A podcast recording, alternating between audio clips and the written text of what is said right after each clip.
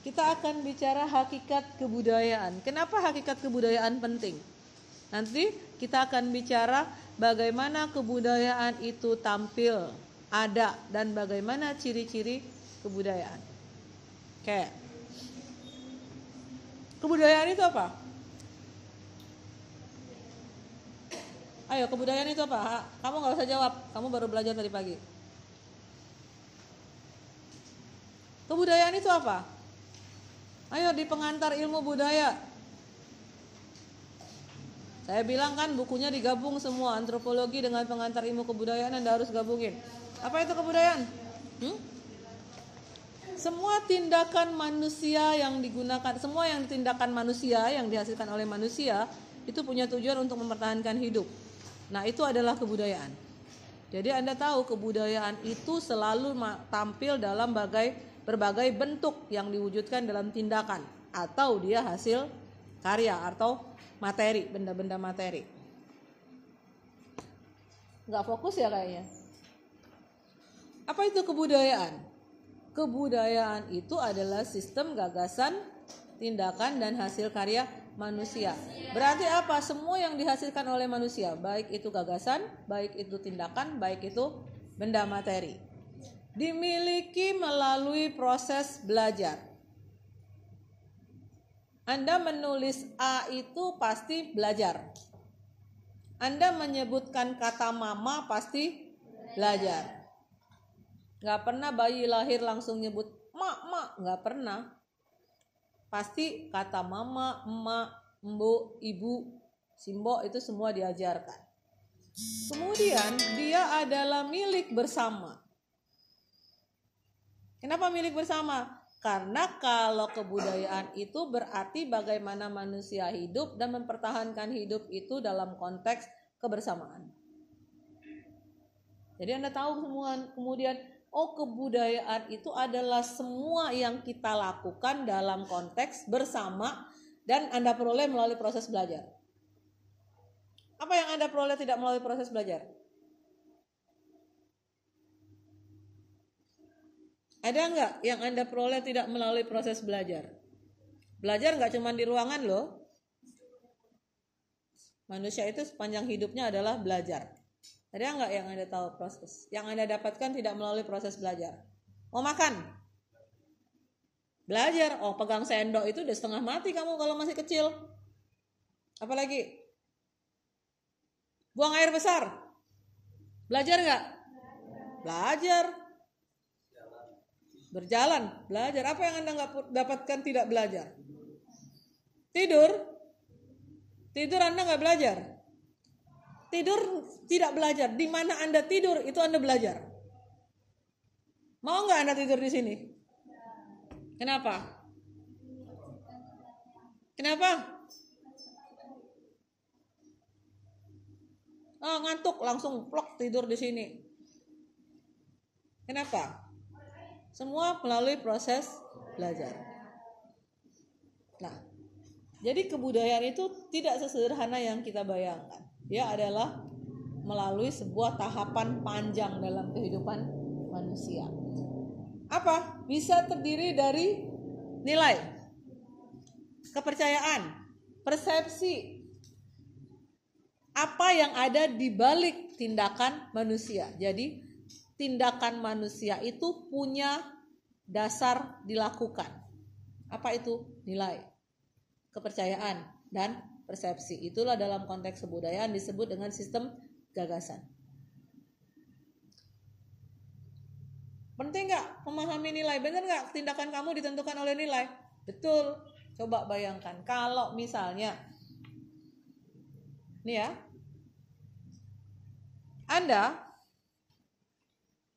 eh, paling gampang, misalnya pergi tinggal di luar negeri yang kotanya nggak orang Islam semua. Ada yang tidak halal dan ada yang ha halal. Kalau Anda memilih restoran, misalnya Anda pergi ke contoh paling jelas misalnya Anda pergi ke Bangka deh. Bangka itu kalau di pasarnya itu susah nyariin mana yang restoran halal, mana yang haram. Mana gabung di situ. Maka pilihannya kemudian Anda pasti makan pecel lele, makan bakso atau makan KFC dan model-model kayak gitu. Kenapa? Yang jelas atau warung makan Padang. Kalau Anda dikasih dikasih ke restoran, ini seafood yang paling bagus di Bangka. Seafood pasti makanan orang Cina. Mau nggak? Apa yang Anda lakukan pertama? Sama-sama lapar nih. Apa yang kamu lakukan? Apa yang kamu lakukan?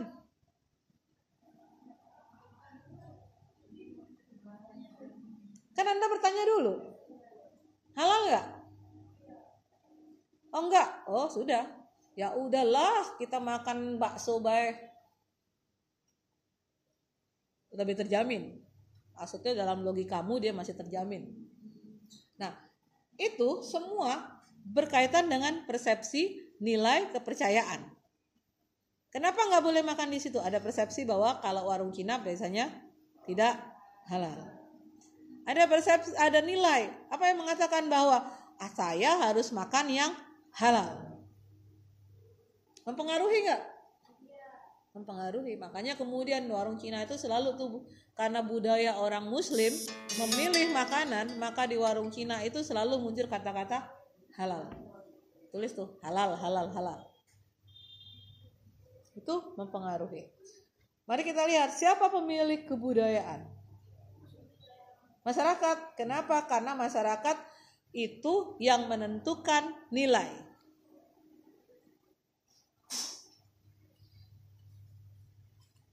Saya mau kasih nilai. Saya bilang teman yang baik itu adalah teman yang suka ngasih saya contekan. Menurut kamu baik? Ya? Kan kamu bilang teman yang baik itu kalau saya tanya, teman yang baik menurut kamu apa? Ayo, nih teman yang baik menurut kamu apa? Lo kok kamu ngeliriknya ke dia? Ngeliriknya ke saya. Dia teman baikmu. Teman dia baiknya kenapa? Kenapa dia disebut dengan teman baik? Menurutmu teman yang baik itu bila apa? Apa susahnya sih kamu bilang punya teman nggak? Punya. Punya. Nah sebutkan temanmu yang baik yang mana? Ah, kalau susah jawabannya teman yang jahat menurut kamu yang mana? Yang baik nggak bisa jawab, yang jahat juga nggak bisa jawab. Oke, pertanyaan. Dosen yang baik menurutmu yang mana? Bohong, dosen yang baik memberi ilmu. Yang kamu tahu nih, dosen yang baik itu dosen yang ngasih nilainya A semua dari atas sampai bawah. Yang nggak pernah ngasih tugas, tuh dosen yang baik nggak pernah masuk lebih baik lagi. Ya kan? Kalau saya tanya rata-rata kan rata-rata dosen itu kan nanti kan pernah nggak pernah nggak menilai dosen? Pernah nggak ngisi angket dosen? Belum pernah. Kan anda harus akhir kuliah itu harusnya mengisi angket dosen.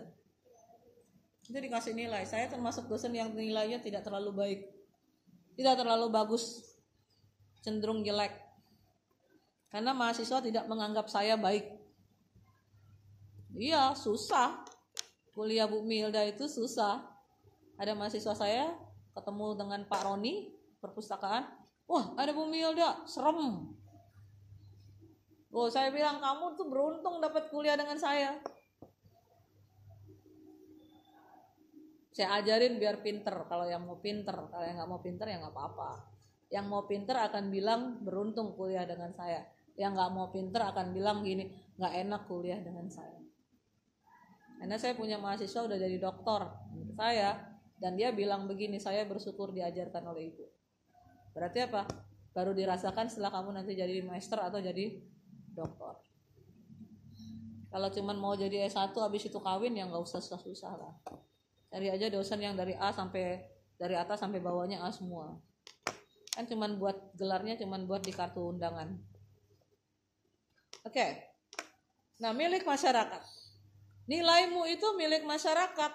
Kalau saya tanya, kenapa kamu kuliah? Dosen yang baik dalam konteks saya, Mungkin mahasiswa yang baik dalam konteks saya adalah mahasiswa yang nggak pernah bertanya, mungkin ya. Dikasih ini diem aja, dikasih ini diem aja. Mungkin. Baik nggak mahasiswa dalam standar normatifnya? Enggak. Mahasiswa yang baik itu adalah mahasiswa yang bertanya. Kenapa? Karena bertanda dia berpikir. Mahasiswa yang nggak pernah bertanya itu bertanda apa? Nggak pernah berpikir. Kan kelihatan mahasiswa berpikir kalau mampu membuat pertanyaan. Kalau nggak mampu membuat pertanyaan, ada nih mahasiswa ngomong aja terus. Bertanya lalu kesimpulannya kalau kamu ngomong pertanyaannya apa? Dia nggak tahu pertanyaannya apa. Jadi kesimpulannya apa? Cuman orang yang bertanya yang berpikir. Itu versi masyarakat. Versi kita masing-masing beda-beda kan? Kalau saya tanya, mahasiswa yang baik menurut kamu apa ya yang yang dosen yang baik menurut saya adalah dosen yang nggak pernah ngasih tugas gitu dosen yang nggak pernah hadir di kelas dua dosen yang nggak pernah hadir nggak pernah ngasih tugas tapi nilainya A gitu nggak nilai A nya dari mana nilai A nya dari mana nggak pernah ngasih tugas nggak pernah hadir jarang hadir dapat nilai A A nya dari mana dari mana Mau kamu dikasihani? Bayar kok dikasihani. Nggak bayar dikasihani oke. Okay. Bayar kok dikasihani. Wah rugi. Ngerti ya? Milik masyarakat. Berarti masyarakat itu dalam konteks dalam antropologi disebut dengan nanti ada teorinya superstruktur. Masyarakat itu di atas struktur manusia. Dia yang mengatur manusia. Kalau pertanyaan saya, ada nggak yang pernah kamu lakukan sebelum kamu mau? Ada nggak yang kamu lakukan yang kamu sebenarnya pengen lakukan tapi tidak bisa kamu lakukan? Ada nggak? Apa? Apa? Iya, yang nggak bisa kamu lakukan. Jalan-jalan ke luar negeri bisa kamu lakukan. Apa yang nggak bisa kamu lakukan? Yang kamu ingin lakukan tapi kamu nggak bisa, nggak bisa lakukan. Contoh paling jelas, kalau saya kasih, kasih contoh paling gampang, mandi. Siapa yang tadi pergi ke sekolah nggak mandi? Dingin kan tadi pagi? Anda nggak pergi kuliah nggak mandi? Nggak usah lihat-lihat, nggak akan kelihatan dong dia pakai parfum banyak kok, bedak tebel-tebel. Tadi pagi dingin kan? Terus ada kuliah jam 7.30 nggak? Kalau ada kuliah jam 7.30 tambah banyak lagi yang nggak mandi. Kenapa Anda udah tahu terlambat pasti harus mandi? Nah pertanyaan sederhana yang belum bisa kamu jawab sampai sekarang dari semester 1. Ada mandi nggak mandi kan sama aja. Bau modal dikit aja beli parfum. 10 ribu penuh.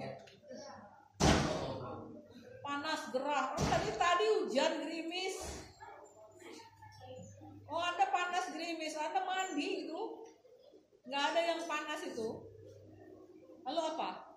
Kenapa harus mandi? Joroklah anda kehujanan nggak bakal jorok kok. Pikiranmu yang jorok ayo apa kenapa kamu harus mandi nggak ada dalam peraturan UIN itu masuk kelas harus mandi ada nggak Rangga nggak ada. Kenapa kamu udah terlambat pasti harus mandi?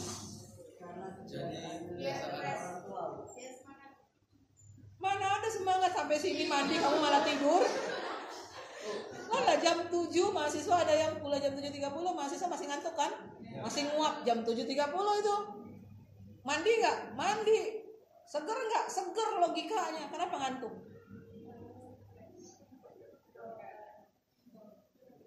Anda bayangkan kenapa Anda harus mandi? Karena dalam konteks kita ada nilai bersih. Ya? Emang tadi sore, tadi sore mandi kan? Paginya mau mandi lagi. Emang habis sore itu kan langsung tidur kan? Lah tidur ngapain sampai kamu nggak bersih?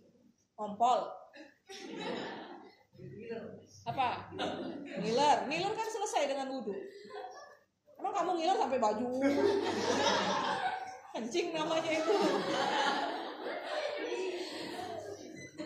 Pertanyaan saya kenapa harus mandi? Sore mandi kan? Ada yang sore nggak mandi? Malah ada, ada yang mandi kalau mau tidur kan? Mandi kalau mau tidur mandi. Kenapa paginya harus mandi? Apa? Lah iya kamu emang tidur nggak bersih? Tidur di mana? Kasurnya nggak bersih ada lumpurnya. Nah ada konsep ada nilai tentang kebersihan. Nilai inilah yang membuat yang membuat nilai mandi itu harus mandi kalau mau keluar rumah, kalau mau sekolah, masyarakat. Kamu kan bisa bilang, kan kalau nggak mandi juga bisa kan? Nggak ada yang tahu. Kumur-kumur, selesai. Pokoknya hari ini nggak ngomong, karena nggak gosok gigi. Duduk, semprot, sampai kan pergi, sudah. Nggak ada yang tahu kalau kamu nggak ngomong, kamu nggak mandi. Cobain aja. Besok cobain. Enggak, ini kan teori. Jadi kamu coba. Benar nggak ada yang tahu saya nggak mandi? Sudah. Berarti pernah. Kamu udah pernah nyobain. Ada yang tahu nggak kamu nggak mandi? Nggak ada. Nggak ada.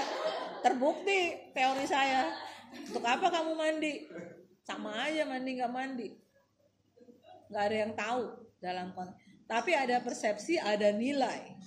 Ada kepercayaan yang mengatur dan yang menetapkan persepsi nilai itu adalah masyarakat. Jadi kamu diatur oleh masyarakat. Kamu diatur oleh masyarakat karena masyarakat yang menentukan nilai, persepsi dan ke, ke, kepercayaan itu. Oke. Apa fungsi kebudayaan? Kalau kita bicara tentang fungsi kebudayaan, kebudayaan punya fungsi mengatur. Mengatur kehidupan manusia. Makanya ada nilai, norma, uh, hukum, fatsun, macam-macam. Itu mengatur semua. Ukurannya adalah nilai-nilai yang dibuat oleh masyarakat. Kemudian setelah kalian mengatur, dia mengatasi masalah. Ya. Mengatasi masalah ini adalah salah satu fungsi dari kebudayaan. Coba Anda bayangkan kalau tidak ada kebudayaan, apa yang terjadi. Kalau tidak ada aturan tentang siapa yang boleh dikawini dengan yang tidak boleh dikawini.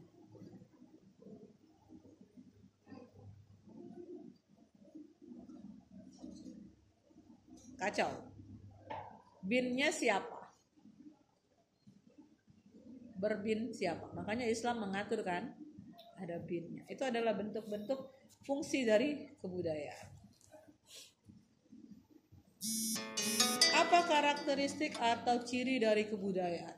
Pertama, kalau jadi ini bisa dijawab pertanyaan ini kalau ada pertanyaan karakteristik kalau Anda hafal konsep kebudayaan, kebudayaan adalah sistem gagasan tindakan hasil karya manusia yang diperoleh melalui proses belajar dan dijadikan milik bersama dalam masyarakat. Nah, selesai pertanyaan karakteristik itu selesai. Kenapa? Karena pertama, kebudayaan itu milik bersama. Kalau bukan milik bersama, ingat waktu Anda belajar pengantar ilmu kebudayaan, apa namanya? Kalau kebiasaan yang bukan milik bersama. Apa namanya? Habitat. Habit, kebiasaan.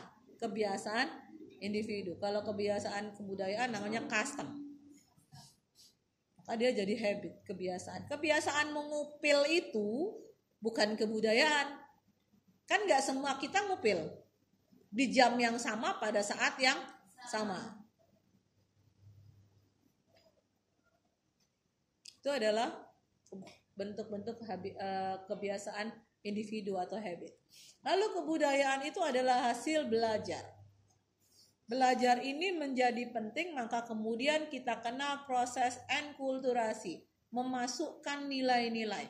Sekarang kita adalah proses pembudayaan. Anda saya sedang memasukkan nilai-nilai. Satu nilai ilmu, satu nilai cara hidup.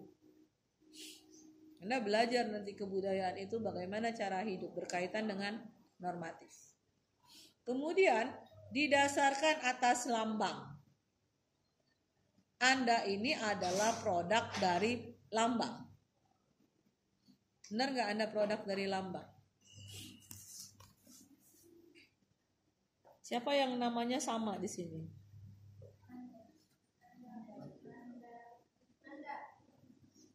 Nanda sama Nanda. Apa lagi? Cindy. Bagaimana membedakan Cindy dan Cindy A, Cindy B-nya? Mana Cindy-nya berapa orang? Mana? Oh. Jadi Anda adalah produk dari lambang. Integrasi kebudayaan itu disatukan. Kebudayaan itu banyak unsur-unsurnya. Anda baca kuncara ningrat, ada tujuh unsur kebudayaan. Ayo sebutin tujuh unsur kebudayaan.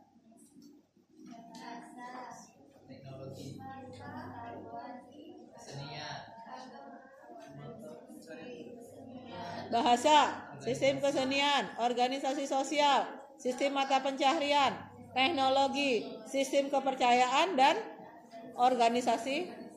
Ya sudah, sistem pengetahuan. Tujuh. Tujuh itu terintegrasi. Jadi kalau Anda mau menulis tentang kebudayaan, Anda harus mempertimbangkan tujuh. Bukan mempertimbangkan, harus melihat tujuh unsur itu. Walaupun tidak perlu didalami secara semua. Misalnya saya cuma mau meneliti tentang kekerabatan. Kekerabatan berkaitan dengan sistem mata pencaharian. Kekerabatan berkaitan dengan sistem kepercayaan. Kekerabatan berkaitan dengan organisasi sosial. Udah tiga itu, empat itu bisa dilihat. Gak perlu semua. Dalam antropologi modern gak perlu dilihat semua. Oke, okay. itu integritas. Jadi kebudayaan itu menjadi bagian yang menyatu, dimiliki bersama dan dia bergerak sebagai identitas. Ada pertanyaan? Ya ada, saya lanjutkan. Ada yang disebut dalam proses kebudayaan, kebudayaan itu mengalami perubahan. Perubahan itu muncul dalam konteks adaptasi. Apa adaptasi? Kemarin penyesuaian diri. Maka kebudayaan itu menyesuaikan diri terhadap kondisi lingkungan. Maka kita menemukan kebudayaan di pantai berbeda dengan kebudayaan di gunung. Budaya Arab, budaya di gurun pasir berbeda dengan budaya di kutub utara. Itu berbeda. Daerah panas berbeda dengan daerah dingin. Itu semua mengakibatkan kebudayaan berubah. Bagaimana kebudayaan berubah atau menyesuaikan diri? Kebudayaan berubah atau menyesuaikan diri itu ditentukan oleh teknologi.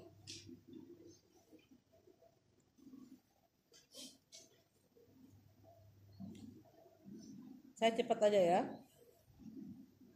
Ditentukan oleh teknologi. Teknologi menjadi faktor paling penting dari kebudayaan.